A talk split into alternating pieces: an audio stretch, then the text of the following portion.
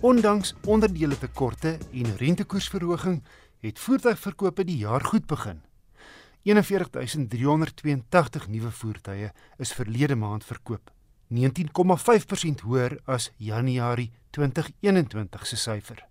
Toyota was losande die topverkoper met 12480 eenhede en die Hilux sy voorste model. Volkswagen tweede met byna 5400 eenhede. In die derde plek Suzuki met 'n nuwe maandelikse rekord van 3232. Hyundai was vierde, gevolg deur Haval, Renault en Nissan. Ford kon slegs 8ste eindig.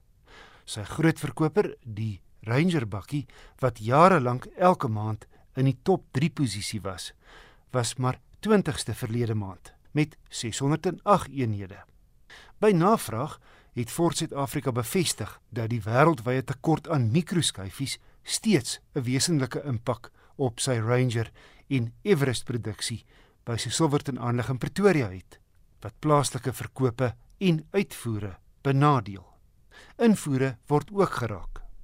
Hoewel nie die enigste handelsmerk wat geraak word nie, lyk dit tog of Ford Suid-Afrika die ergste deurloop. Kia was die 9de beste verkoper verlede maand en Isuzu 10de. Mens moet Mahindra in die 11de plek ook noem met verkope van 1010 het die Indiese vervaardiger in Januarie 'n nuwe plaaslike verkoopsrekord behaal.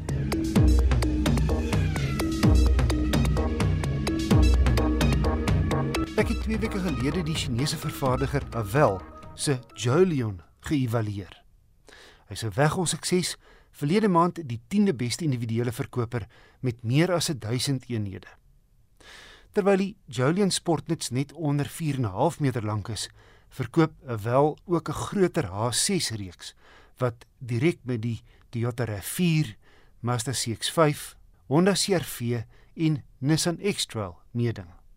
En verlede maand is 394 H6se verkoop.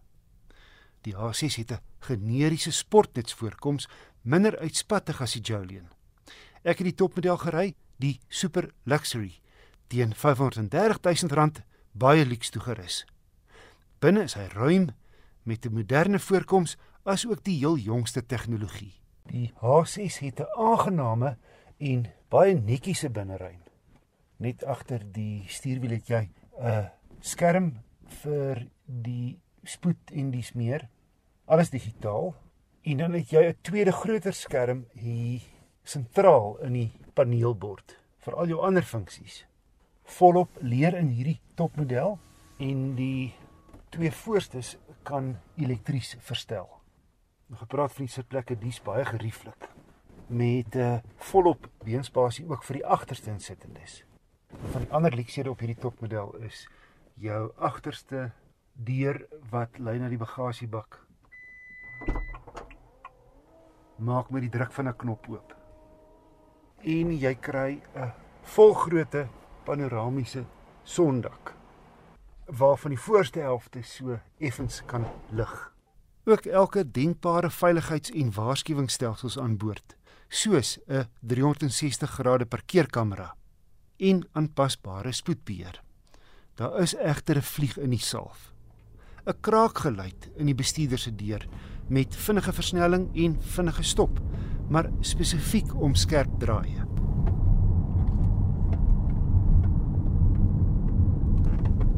sy 2 liter turbo petrol 150 kW en 320 Nm sorg vir lewendige verrigting.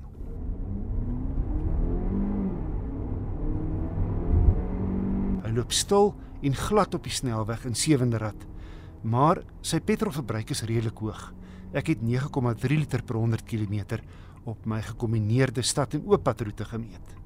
Hy trek met al vier wiele en het verskillende rowwe pad modusse maar sy grondvryhoogte van 'n relatiewe lae 170 mm beperk sy veldry vermoë.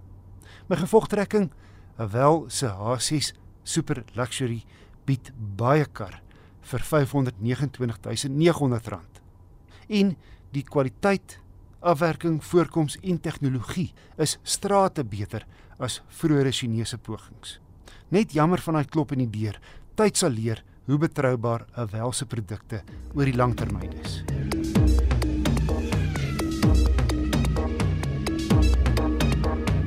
Ek het dit al voorheen gehad oor Suzuki en Toyota se ruilooreenkoms. Toyota bied aan Suzuki sy hibrid tegnologie terwyl Toyota weer toegang het tot Suzuki se produkreeks uit Indië. Twee Toyotas wat ek onlangs getoets het, die Urban Cruiser en Starlet, is bloot Suzuki's met Toyota kentekens. Nie dat dit Suid-Afrikaners hoegenaamd pla nie, want die Starlet luikerig was verlede maand die tweede beste verkoper en die Urban Cruiser kompakte kruisvoertuig die vierde beste. Nou het ek ook kans gehad om die Toyota Avanza se opvolger, die Rumion, te ry wat niks anders is as die Suzuki Ertiga sewe sitplekker nie. Net die kentekens en sierrooster verskil. Die top handratmodel, die Rumion TX, kom met netjiese 15 duim alloy wiele en 'n tipiese veeldoeler lyf teen net meer as 300 000 rand. Die tweede ry kan ver vorentoe en agtertoe skuif en die rugleuning 1/3 2/3 plat slaan. Verder maak die agterdeure byna 90 grade oop. En dan is hier vir die lugversorging ventilasiegate agter en die tweede ry passasiers kan die waaierspoed bepaal. En dan selfs met die derde ry sitplekke opgeslaan, is hier heel agter steeds plek vir 'n hele paar winkelsakke. Op die bodem heel agter is hier twee verwyderbare plastiese panele wat as die vloer dien maar waaronder jy ook waardevolle goed kan stoor. Albei die tweede en derde rye se rugleunings vou heeltemal plat indien nodig en selfs die passasiers in heel voor sou jy 'n 3 meter lange pyp of stuk hout of wat ook al die dag moet inlaai. Hier skoppiehouers reg rondom en 'n oulike ding, die koppie in die houer heel voor kan met 'n ventilasieopening verkoel. Die Rumion TX topmodel kom met die meeste basiese luksus, sentrale sluiting, sleutellose toegang, elektries invoubare syspieëls, laaipunte voor en agter, Bluetooth, asook Apple CarPlay en Android Auto. Veiligheidskenmerke is so so. Drie sensors en 'n driebeeld op die sentrale skerm, en Isofix ankers vir babastoele, maar net twee ligsakke voor en geen elektroniese stabiliteitsbeheer nie.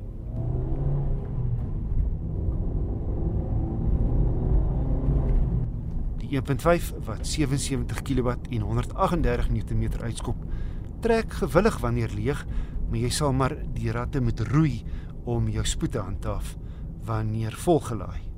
Gelukkig wissel die 5-spoed baie glad Die rit is gerieflik.